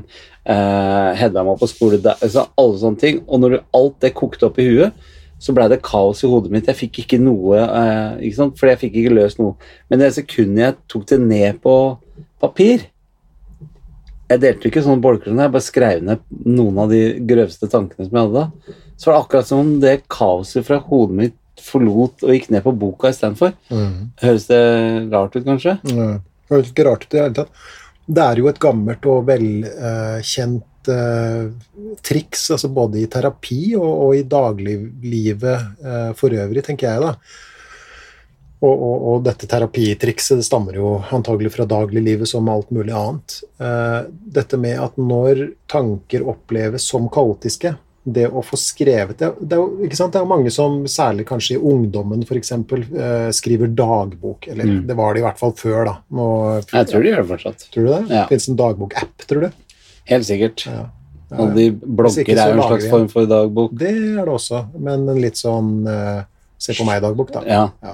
Men dagbøker som oftest hadde jo sånn liten hengelås og var dypt uh, private. Ja ja, det hindrer jo ikke folk å skrive ja, ja. Nei, greit, vi går ikke dit, men, Nei. men i hvert fall. Når tankeverdenen er kaotisk, det å skrive det ned, Mm. og, og da se det stå stille på papir, da blir det jo med en gang noe mer håndterlig enn tanker som da har en tendens til å fly fram og tilbake i skolten, og, og ofte drar med seg følelsene i tillegg. ikke sant? Og i tillegg så opplevde jeg også at når jeg fikk det ned på papir og leste det, så akkurat som problemet mitt blei litt mindre. Herregud, er det noe Det er mer uttalt, mer Ja. formulert Ja. også, og mer oversiktlig. Ja. ikke sant? Og det å få litt mer oversikt bare gjennom å sette noen tanker ned på papir, Mm. er et veldig godt råd, tenker jeg. Og så vil jeg bare kommentere det du sier om eh, posttraumatisk eh, vekst. Det er, noe, det er jo ikke noe krav at du skal vokse etter at noe fælt har skjedd. ikke sant? Så, så vi må ikke havne i den grøfta heller. Men, men ehm, og, og den grøfta kan vi fort havne i. Det var en dame som ja, Nå husker jeg ikke navnet hennes heller, men jeg kan godt legge ut det som, som link eh, etter eh, Eller når, når dette sendes, da, hadde nær sagt, legges ut. Eh, men det var en dame som eh, Hun fikk brystkreft. mm. Amerikaner. Eh, og, og denne dama var ikke skåret for tungebåndet, det kan jeg fortelle deg med en gang. Så hun skrev jo en bok om opplevelsene sine etterpå, og det hun skrev, var jo at eh, det var en Barbara Ehrenreich, heter hun. Barbara Ehrenreich. Eh, og skrevet uh, bøker Akkurat til å si det, faktisk. Ja, det, skulle- Det er Barbara det sikter til det. Ja, ja, Nei, men det er bra jeg kom på det sjøl. Ja. Um, Barbara Ehrenreich hun fikk brystkreft. Hun uh, havna på sykehus da, ikke sant? heldigvis. Uh, men det hun ble møtt av, var at hun uh, Det var nærmest et krav at hun skulle se på kreften sin som en sånn gave. ikke sant? Og det var masse sånn overdreven positivitet og, og, og, og som sagt da, et sånt eh, krav om at det, hun skulle se på det som om dette var en fin ting. da. Men du skrev jo den boken om eh, positiv tenking som man skal ha i Amerika... Eller hva var det det het? Ja, den, Det hand- det handler om akkurat det du sier. Ja, det er hun, ja. ja. Som jeg refererer til i boka, ja. Ja, ja. ja. mm. Det er hun Barbara Ehrenreich. Ja. Men jeg hørte på en podkast på vei hit til Drammen i dag, ja. Ehm, og han som da var gjest, han kunne fortelle at han hadde hatt det man kaller non-Hodgkins lymfom, lymfe, lymfekreft. Og han kunne fortelle hvordan det hadde endra livet hans. ja. Hvordan han eh, så annerledes på folk, hvordan han så annerledes på seg selv og livet osv. Og, og, det- og han sa det var helt forferdelig, det jeg var igjennom. Men, eh, og nå går han til kontroll hver tredje måned, og sånt, så han er jo på ingen måte ute av skogen. Men sa at det har gjort noe med synet mitt på livet og meg selv osv. Og, så og det er jo også noe av det du kan kalle posttraumatisk vekst. Mm. Og det skjer av og til. Av og til skjer det ikke. ikke sant? Og, og, og det er også eh, vanlig. ikke sant? Og jeg føler at jeg har hatt posttraumatisk vekst ut ifra den krisen jeg gikk gjennom. Mhm, mhm. Med den psykiske smellen. På hvilken måte da? Nei, altså jeg har det jo mye bedre nå enn jeg hadde det før det. Mhm. Ikke sant? Jeg, jeg måtte Det er, var en som sa til meg Hvorvidt man eh, tror på religion eller ikke, men han sa sånn når vår Herre opererer, så gjør han det uten bedøvelse. Mm. Mm. Og det er, eh, det er universet, det er, eh, det er eh, Gud, det er kall det hva du vil, mm. som vil korrigere eh, måten du lever og oppfatter og tenker og tror på. Mhm. Så er det veldig, veldig smertefullt. Og for meg så handla det jo om at jeg tyna meg sjøl for mye på feil ting. Mm. Feil verdier, feil valg, feil jag, mm. karriere. Mm. Uh, og så kommer den smellen, og så er jeg nødt til å foreta drastiske endringer i livet mitt eh, som bare har følt godt med seg. Mhm. Og, og, og det som Altså sett utenifra, da, den prosessen som du uh, har vært igjennom, noen ganger så kan man jo se at folk hva skal vi si, lever livet sitt på en måte som gjør at uh, regninga kommer, på en måte. Så Mhm. smeller det, og så korrigerer de seg, men, men det er som om de på en måte ikke har endra seg så mye. Det er nesten så de irriterer seg over at de måtte, ikke sant? Ja. Mens den endringa hos deg er så, den er så påtagelig. Da. Den Mhm. er så tydelig. Hvordan du har reorientert deg, både med tanke på eh, altså, eller særlig med tanke på si, dette med verdier, f.eks. Mm. Ikke sant? Og hvordan eh, Altså, du kunne jo ha eh, reist rundt med en eller annen tøyseforestilling og tjent svære penger, ikke sant? Du reiser rundt med et lite show som handler om psykisk helse, og du sier jo til meg når folk kommer og oppsøker deg bak scenen og, og, og, og, og hva skal vi si, til og med gråter av, av Mm. gjenkjennelse, da, mm. så gir det deg noe. Ja. Og, det er, eh, og det er jo en sånn det er en, det er jo en reorientering. Liksom. Og penger var en av de reorienteringene jeg hadde. Mm. Jeg trodde Likevel trodde jeg var heldig overbevist om også at hvis jeg bare tjente veldig mye penger og hadde veldig suksess og hadde dyre biler og hus og alt sånne ting, så ville folk oppleve meg som vellykket, ergo ville jeg føle meg selv vellykket. Uh, og så har jeg vært så privilegert at jeg hatt muligheten til å finne ut at det ikke stemmer. Mm. Mm. Så som jeg har sagt til det kjedsommelige, liksom, så ble det jo ikke eh, Jeg hadde ikke et sammenbrudd, men jeg hadde et gjennombrudd. Mm. Mm. Godt, uh, godt bilde. Men hvis det her, Hele kapittelet handler jo egentlig om fra kaos til, til orden, sånn jeg forstår det. Mm. Er det noen sånn tips? Er det, noe, er det når folk kommer til deg, sånn, er det noen ting de sier 'det må du gjøre', eller fins det noe Jeg vet ikke om du forstår hva jeg spør Mm, etter, jeg, men mm. er det liksom sånn Her er noen Gjør sånn, gjør sånn, gjør sånn. Mm. Det der med å dele de problemene inn i tre bolker, f.eks., syns jeg er et sånn type tips. Mm. Det er et uh, godt, uh, det er et godt uh, tips også, fordi at det er starten på å begynne å, å reetablere orden på et vis. Mm. Det å skaffe seg oversikt over hva problemene er, om det går an å gjøre noe med dem i det hele tatt, Ja. og, og hva skal vi si, hvilken rekkefølge man, man kan, hvis man vil gjøre noe med de problemene man uh, står oppi da. Mm. Og, og hvis man da har klokskapen til å skille mellom det man kan gjøre noe med nå, det man kan gjøre noe med på sikt, enten sjøl eller at det ordner seg av seg sjøl, uh, og det som ikke lar seg gjøre verken av seg sjøl eller ved hjelp av andre eller ved egen innsats, at man i det minste øver på å ha den klokskapen til å la det ligge. ikke sant? Det er, det er en ekstremt god begynnelse, tenker jeg. Er ikke det et sitat fra Bibelen nå, egentlig? Som går nå i den retning? Hva da? Uh, det skal jeg finne ut så du kan legge ut, for der er det et eller annet med uh, Herre, gi meg Ah, klokskap du- til å kunne gjøre noe med Det er sin, den såkalte sinnsrobønnen. Ja, sinnsrobønnene. Ja, riktig. Den er ikke fra Bibelen, tror jeg. Jeg trodde det var fra Ja, Bibelen. er det noe sånn um, Thomas Aquinas-aktig, eller et eller annet? Det Ja, finner vi ut av. Det, er det må vi legge ut. Sinnsrobønn. Ja, for den er fantastisk. Og den, ja, for den sier jo noe om det. ja, Og, og, og, klokskap til å se forskjellen. eller så det. Ja.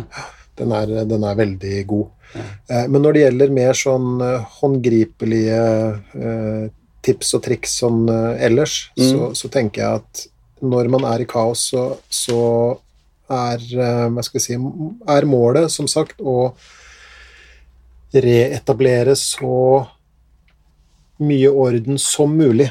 Og noen ganger så er det ikke mulig å, å reetablere så veldig mye orden, Nei. men noe. Ja. Ikke sant? Og kanskje få dyrka opp akkurat den lille Hva skal vi si Åkerbiten man trenger til å kunne leve, da, på et vis. ikke sant? Eh, Men, men dette med rutiner, f.eks. ja, for jeg skulle til å si det her, her, sånn, her, det her har du tipsa meg om mange ganger. Mm, Og når jeg har vært helt sånn fy faen, nå koker det, liksom, mm, så har du vært veldig tydelig på legg deg mm, til faste tider, få den søvnen du skal ha, mm, måltider, mm, sørg for at du gjeninnfører og opprettholder rutinene dine. Det er pri én. Det er pri én. Og det er det som Det tror jeg faktisk vi snakka om i en veldig sånn tidlig eh, episode, og derfor så er det jo verdt å gjenta. Det er det som eh, mange eh, kaller den psykologiske grunnmuren. Mm. Og det består av eh, søvn skråstrek hvile. Eh, det og, og hva skal vi si, rutiner når det gjelder legging og det å stå opp og sånt noe. Ikke snu døgnet, f.eks. Eh, få deg de sju timene som hva skal vi si, vitenskapen sier at man trenger sånn cirka. Hvis du ikke får det, så overlever du det også, Mm. ikke sant? Men, men ikke ligg eh, lenger. Ikke legg deg klokka halv fire om morgenen og stå opp klokka to og, og sånt noe. Eh, så, så det er det med søvn og hvile. Eh, det andre er eh, eh, aktivitet. Rør på deg, kom deg ut, få Mm. frisk luft, beveg kroppen din. Om du så bare går én runde rundt huset, så ta deg faen på at det skal du gjøre en gang om dagen. Mm. Eh, og så er det dette med mat. Fire måltider. Helst noe annet enn fish and chips, eller hva man har i seg. Ikke sant? Og så sier jeg ikke at du skal ete Ikke bare fast food. Nei, ikke, og, og, og sier jeg heller ikke at du bare skal ha i deg skiafrø og krusskakli og sånt, men, men, men så noenlunde næringsrik eh, eh, eh, mat Mm. er, er eh, viktig. Så det er den psykologiske grunnmuren. Og som du sier, fall, hvis, noe, hvis du havner i kaos, så skal du falle tilbake på rutinene dine. Mm. Av, av, altså per automatikk, nærmest. Ikke sant? Så jeg kjenner en, eh, en dame som eh, opplevde en svær tragedie i, i, i, livet sitt. Og den dama hadde da klokskapen til nettopp å opprettholde rutiner. Så hun sto opp klokka sju hver dag. Som, hun ble sykemeldt en periode, ikke sant? Og, og, og med god grunn, av det nær sagt. Men hun sto opp om morgenen klokka sju, hun gikk tur, hun eh, lagde mat, hun eh, trente eller i hvert fall løp seg en tur, hun la seg til samme tid. ikke sant? Alt for å holde på det eneste som ikke var kaotisk. Da. Ja. Ikke sant? Og det eh, kunne hun fortelle etterpå at det bidro til å få gjennom smerten på den måten at hun i det minste står på beina i dag, ikke, og ikke uten smerter. Ikke sant? Komme, altså man sier jo at ja, du, du, må, komme gjennom en periode, men poenget er at det, det som venter på andre sida, er nødvendigvis ikke smertefrihet. Ikke sant? Det er fremdeles uh, smerter, da, men, men da, da, står du i det minste på beina. Ja. Ikke sant? Med de smertene du, du eventuelt har, har blitt uh, påført. Så rutiner, rutiner, rutiner. Uh, så har vi den psykologiske grunnmuren som nummer to, og så er det dette med den derre hva skal vi si klokskapen som vi kan øve på alle sammen, som jeg øver intenst på, som jeg vet at du øver mm. på. Dette med gjør noe med det du kan gjøre noe med. Ta det på deg som en Kall det en misforstå meg et hellig plikt. da, mm. På at det du kan gjøre noe med, det skal du gjøre noe med så langt eh, du, du skal si, velger det. Og det du rent faktisk ikke har påvirkningskraft på, det må du øve på å la ligge. Til tross for ubehag og smerte og, og sånt. Og så vil jeg komme med et sånt siste tips, og det er at hvis du hives ut i kaos og skal falle tilbake på rutiner og ned på grunnmuren, ned på stålet, for å overleve, senk standardene. Mm. Ikke sant? Senk standardene for uh, støv i krokene og, og, og sånt noe. Trenger ikke å, å, å, ha standarder helt sånn oppå der du pleier å ha da. Nei. Ikke sant? Så det er de generelle uh, triksene. Så sa jeg at jeg hadde et uh, sitat. Ja, ja, nå... okay. Her kommer dagens sitat av Geir Vigtil. Det gjør det. Det er av en amerikansk psykiater mm. som døde i fjor, faktisk. Han het uh, Theodore uh, Rubin. og han sa at problemet er ikke at det finnes problemer. Problemet er å forvente noe annet, og dermed tro at det å ha problemer er et problem i seg selv. Men det er det ikke. Det er helt vanlig å ha problemer. Det er helt normalt. Og ikke bare er det vanlig og normalt, men vi må også forvente å ha problemer i et menneskeliv. Og som sagt, hvis vi ser det på, i det bildet, eller i lyset av orden og kaos, da, så er det i grenseoppgangen mellom orden og kaos, der problemene kanskje kan løses, at vi mennesker utvikler oss mest og, og, og faktisk ha, henter mest mening. Sånn som f.eks. Viktor Frankel i, i Auschwitz den gangen. Ja, det var kloke ord på slutten. Det Litt i overkant, nesten. Ja, nei, jeg, jeg skjønte mesteparten. Kan vi få studio til å legge på noen fioliner? Det hadde vært fett her. Ja, på slutten. Senket belysning. Det får ikke studio gjort, men det, de som lytter mm. ja. Håper de ikke hører på når de kjører bil. uh, nei, men du hører vel litt sånn Du hører litt Grieg i bakgrunnen her når du snakker? Du gjør det? Ja så Stradivarius Nei, hva heter han? Sjostakovitsj? Nei, det vet ikke jeg. Det er ikke feil. Tsjajkovskij.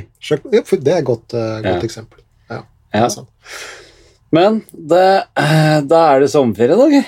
Da er det pussig nok sommerferie. Uh, men det er jo bare på lufta. For Ja. vi vil jo gjerne at folk kontakter oss allikevel. Absolutt. Komme med innspill på hva vi kan gjøre mer av til høsten, eller mindre av, eller annerledes. Mhm, Eh, forslag til gjester vi burde ha med. mhm, Eh, dere må gå inn og like og dele og abonnere, mhm. sånn at vi stiller rustet eh, til eh, høsten. Og så skal, eh, skal vi prøve å få noen samarbeidspartnere. Det har jeg som mål til høsten. Vi skal ha noen samarbeidspartner. Du vet Sånn hva? at vi kan, eh, sånn at vi kan eh, Har du lyst til å gjøre noe klin gærent nå før du veit at Ja, det er Ja, det jeg ser det på deg.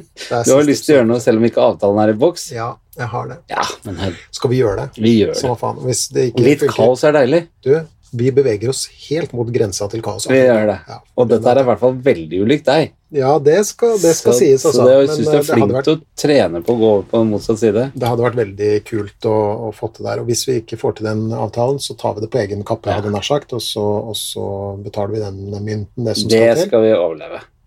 Men vi har fått en fantastisk eh, kul mulig samarbeidspartner oppe i Trondheim, Mhm.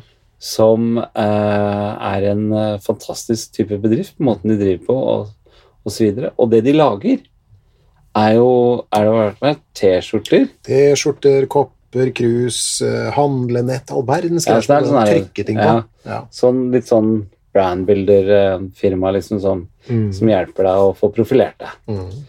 Eh, og de har du vært i kontakt med i Trondheim. Så når jeg kommer opp, eh, nå skal jeg kjøre bobilen opp til Trondheim i dag, så denne uken her, så skal jeg dra innom og besøke de. Mm. T-shirt.no T-shirt.no. er deres eh, hjemmeside. Og vet du hva, det vi gjør, det er at vi lager en, en konkurranse på Facebook og Instagram. Ja. Og så sier vi at hvis du forteller oss uh, hva du liker med uh, Gi litt mer faen, Mm. det er podcast, altså en podkast om livsmestring, som heter Ja. nå, så kan du vinne en T-skjorte med Gi litt mer faen på. Det er podcast. Jeg skal legge ut et bilde av den. Den er dritkul. ja, du har det? Ja, Ja, jeg gleder meg til å se det også. Den er veldig stille. Da gjør vi det, da. Da Da har vi vi vært klin gærne. Vi kan jo ryke på en smell her med innkjøp av to T-skjorter, men jeg føler at det får vi bare ta. Vi får gjøre det. Vi får gjøre det. Men jeg tror t-shirt.no kommer garantert til oss å, å, å være en bedrift som vi har lyst til å samarbeide mer med. Mm. Enten på den ene eller andre måten. Så dette løser seg. Det løser seg. Det løser seg. det føler jeg er et problem man kan gjøre noe med nå. Du, Det, det ja. løser seg på sikt, men vi kan ta tak i det nå. Mm. Og det gjør jeg når jeg kommer opp til Trondheim, så tar jeg tak i det nå. Veldig bra. Så får jeg strøket der lista. Mm. Sant? Jepp. Ja. Er det noe mer du ønsker å tilføye, eller skal jeg prøve meg vågal på en oppsummering? Nå er jeg altså spent. Nå er vi på Ja, det, time og et kvarter. Oh. Oi, oi, oi. Og i dag så er jeg, jeg er helt sånn øm i kjeven, for nå har jeg snakka veldig mye. Ja, vært, du har snakka mye i dag, du, Ja, altså. jeg, men det her er, engasjerer meg veldig, altså. Det er ikke Igjen så skulle det vært kamera i studio, så kunne du få sett hvordan du er når du forteller om de tingene her, sånn, for det ser jeg på deg betyr mye. Ok. Tittelen i dag uh, har Geir uh, skrevet. Tittelen på uh, Nei, først så skal vi ta at det er episode 25 i dag, så det er et Mhm. jubileum. Ja, det var godt kanskje.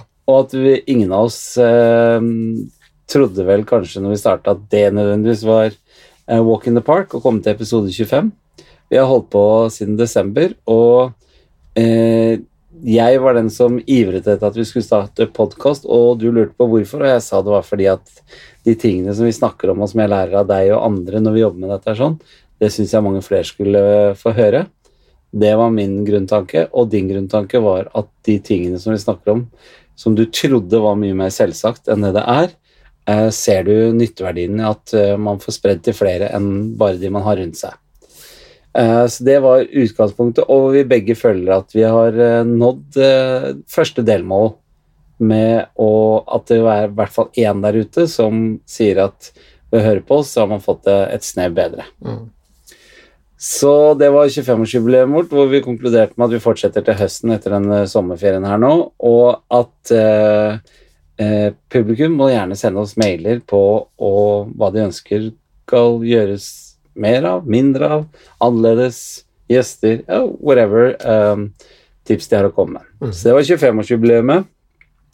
Eh, så var det dagens Ikke år, men eh, episoder. Hva sa jeg? 25 år? 25 år. Det er, da strekker vi det langt, vil jeg si. Sa jeg det? 25-årsjubileet? 25-episoders-jubileet? Hva er det med riktig? Ja. ja, men vi kommer til å sitte her om 25 år. Du tror det? Ja. Men da er det sånn bobil som svever, så, så det vil ikke være noe støy fra bakken. Um, nei, men det var i hvert fall jubileum eh, som vi startet med, som vår uh, snikksnakk i dag. Og så til uh, dagens tema, og det var uh, fra kaos til orden. Eller hva var tittelen du hadde så for Fra deg kaos du- mot orden, Ja. sånn at du beveger deg i retning av Det er ingen som sier at du går fra kaos, bing, og så er alt i orden. Ikke sant? Du går fra kaos mot orden, Ja. i retning orden. Eh, praktisk problemløsning i hverdagen. Det var det. Kunne nesten vært en boktittel, faktisk. det. Det kan du vurdere. Mhm. Ja. Og med det så uh, har vi snakket mye om i dag at uh, kaos er noe vi alle kommer ut for i, eh, i alle former og farger. Uh, både i, i med oss selv og med ting som skjer oss i samfunnet på jobben. Og at uh, mennesker uh, liker generelt sett ikke kaos veldig godt. Vi vil ha noen faste holdepunkter, litt forutsigbarhet osv. Og, så og når ting blir for kaotisk for oss, så føler vi at vi mister litt kontrollen.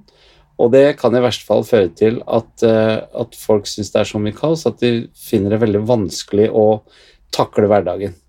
Eh, og mange av de, når de kommer dit, eh, går da til slutt til deg og lignende for å prøve å få litt mer litt mindre kaos i livet. Og det du snakket om som gjorde at du og din kollega har nå søkt Nobelspris, i hvilken kategori egentlig? Ikke litteratur. Problemløsning. Fins den? Jeg syns den bør finnes. Den bør finnes. Ja. Ja, Nobelspris i problemløsning. Mm. Vi får lage vår egen, da. Det syns jeg òg. Ja. Så øh, øh, brukte dere en For det var jo da en kollega av deg som syntes at var, ting var veldig kaotisk på jobben. Og dere delte inn i tre bolker. Bolk én var øh, Er det noe du kan gjøre noe med det nå eller i nær framtid? Er det noe som lar seg løse nå eller i nær framtid, så skal du gjøre det. Ikke utsett til i morgen det du kan gjøre i dag. Få det huka av på listen. Bolk to er det noe som lar seg løse over tid? Eh, og der konkluderte vi med at vi kan holde ut ganske mye smerte så lenge vi kan se at den smerten en gang avtar, eller at vi vet Og vi brukte referanser fra trening og sånn videre, at det er lettere å holde ut det når du vet at eh, ok, nå er det bare 60 situps til, så er jeg ferdig. Så tåler man mer. Så er det da den bolk nummer to, er det noe som da kan løses over tid, eh, kategoriser det inn der. Og så er det den tredje eh, bolken, og det er er det noe som ikke lar seg løse. Eh, det er noe som er uløsbart problem, eller som du vil kalle det, også fakta. Og vi snakket om at eh, kommer man inn eh, Det mest typiske eksempelet brukte her er jo tap av noen nære og kjære eh, som dør fra deg. Som er et faktum. Det får du ikke gjort noe med. Det har skjedd. Dårlig barndom har skjedd. Du får ikke gjort noe på det nå, men hvordan kan du leve med det? Så da får du kategorisert inn i den bolken der. Og tipsene dine, som jeg syns var veldig viktige, og som jeg har brukt mye av, er jo for det første er å øh, Når det blir kaos, prøv å falle så fort som mulig til orden. I type av oppretthold rutiner. Eh, fortsett med samme rutine. Stå opp på samme tid, gå på jobb på samme tid, kjør de samme veiene. Kle på deg sånn som du pleier å kle på deg. Ondt så veiter, ondt så veiter. Eh, nummer to var den psykologiske grunnmuren, som da handler om få deg nok søvn slash hvile. Måltider eh, til, til de riktig fastsatte tidene, helst fire måltider om dagen. Og eh, noen av det bør være relativt næringsrikt av den maten du får i deg. Og punkt tre der, den psykologiske grunnmuren, beveg deg. Kom deg ut, om det så bare er for å gå rundt huset, og begynn å bevege deg. Ikke fall sammen i en sofa på et mørkt rom og snu døgnet på huet.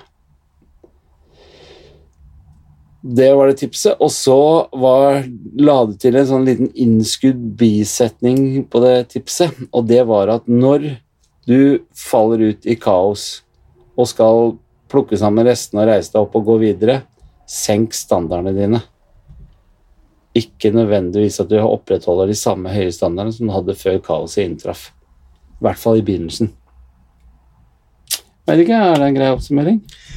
Jeg vil si det på denne måten. Mm. Jeg syns vi skal opprette en nobelpris i oppsummering. Da ville du fått den Ja, da blir det ikke så mange nominerte. Da Da. blir det galla, vet du, og kjole og hvitt. Fantastisk. Veldig, veldig bra. Jeg kan jeg bare få lov til å tillegge at hvis man opplever noe som er ekstra vanskelig, og eh, man ikke eh, hva skal vi si, opplever noe som helst tegn til eh, tilpasning Mm. etter eh, fire til seks uker, så kan man be om hjelp. Ja. Eh, Det vil da være lurt. Eh, Men ha også tålmodighet med deg selv på at det tar litt tid å, å eh, orientere seg i et ukjent terreng. Men fire til seks uker pleier vi å si at det er til, rister du på Nå skal jeg feire, feire at det blir Du skal skyte korken på en Cola Zero av gårde? Ja. Ja, ok. Mm. Ja, men i hvert fall fire til seks uker. Er det ikke tegn til noe som helst eh, tilpasning til situasjonen i det hele tatt, da, så er det lurt å be om hjelp, altså. Så, det vil du anbefale folk å begynne å snakke om det. Begynne å snakke om. Ja, hvis man, at man ikke bare går og bærer på det selv. Ja, da, da bør man jo snakke med noen man stoler på, Ja. ikke sant? Og, og, og i, av og til så kan man også komme til sånne som meg, da. Ja. Sånne som deg. Sånne som meg. Egil Dageir, -hmm. skal du få lov å si før jeg spretter sommerferiekorken, eh, så si hvis de skal sende oss noe Mhm. Nei, når. Jeg vil ikke bruke ordet hvis engang. Når Når folk skal sende oss en mail, en melding, sånt, hvor kan de kontakte oss? De kan kontakte oss på både Facebook og Instagram. Mm. Der er både show og boka. Boka 'Hvordan gi litt mer faen'. Mm. Showet eh, 'Gi litt mer faen'.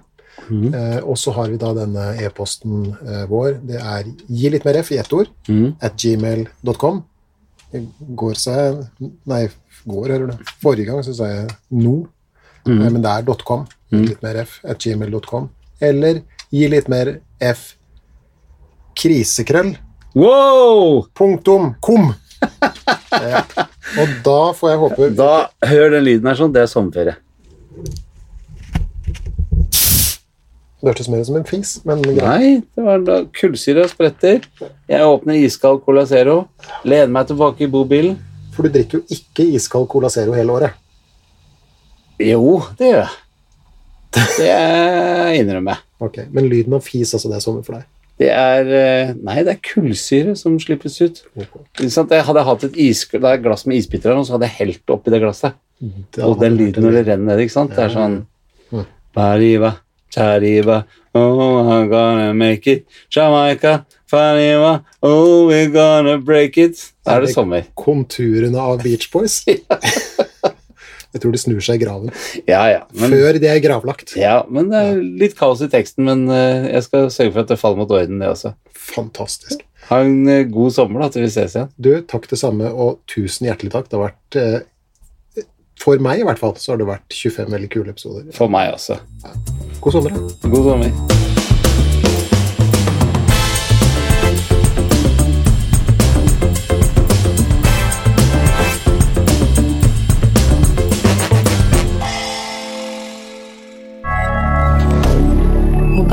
rien.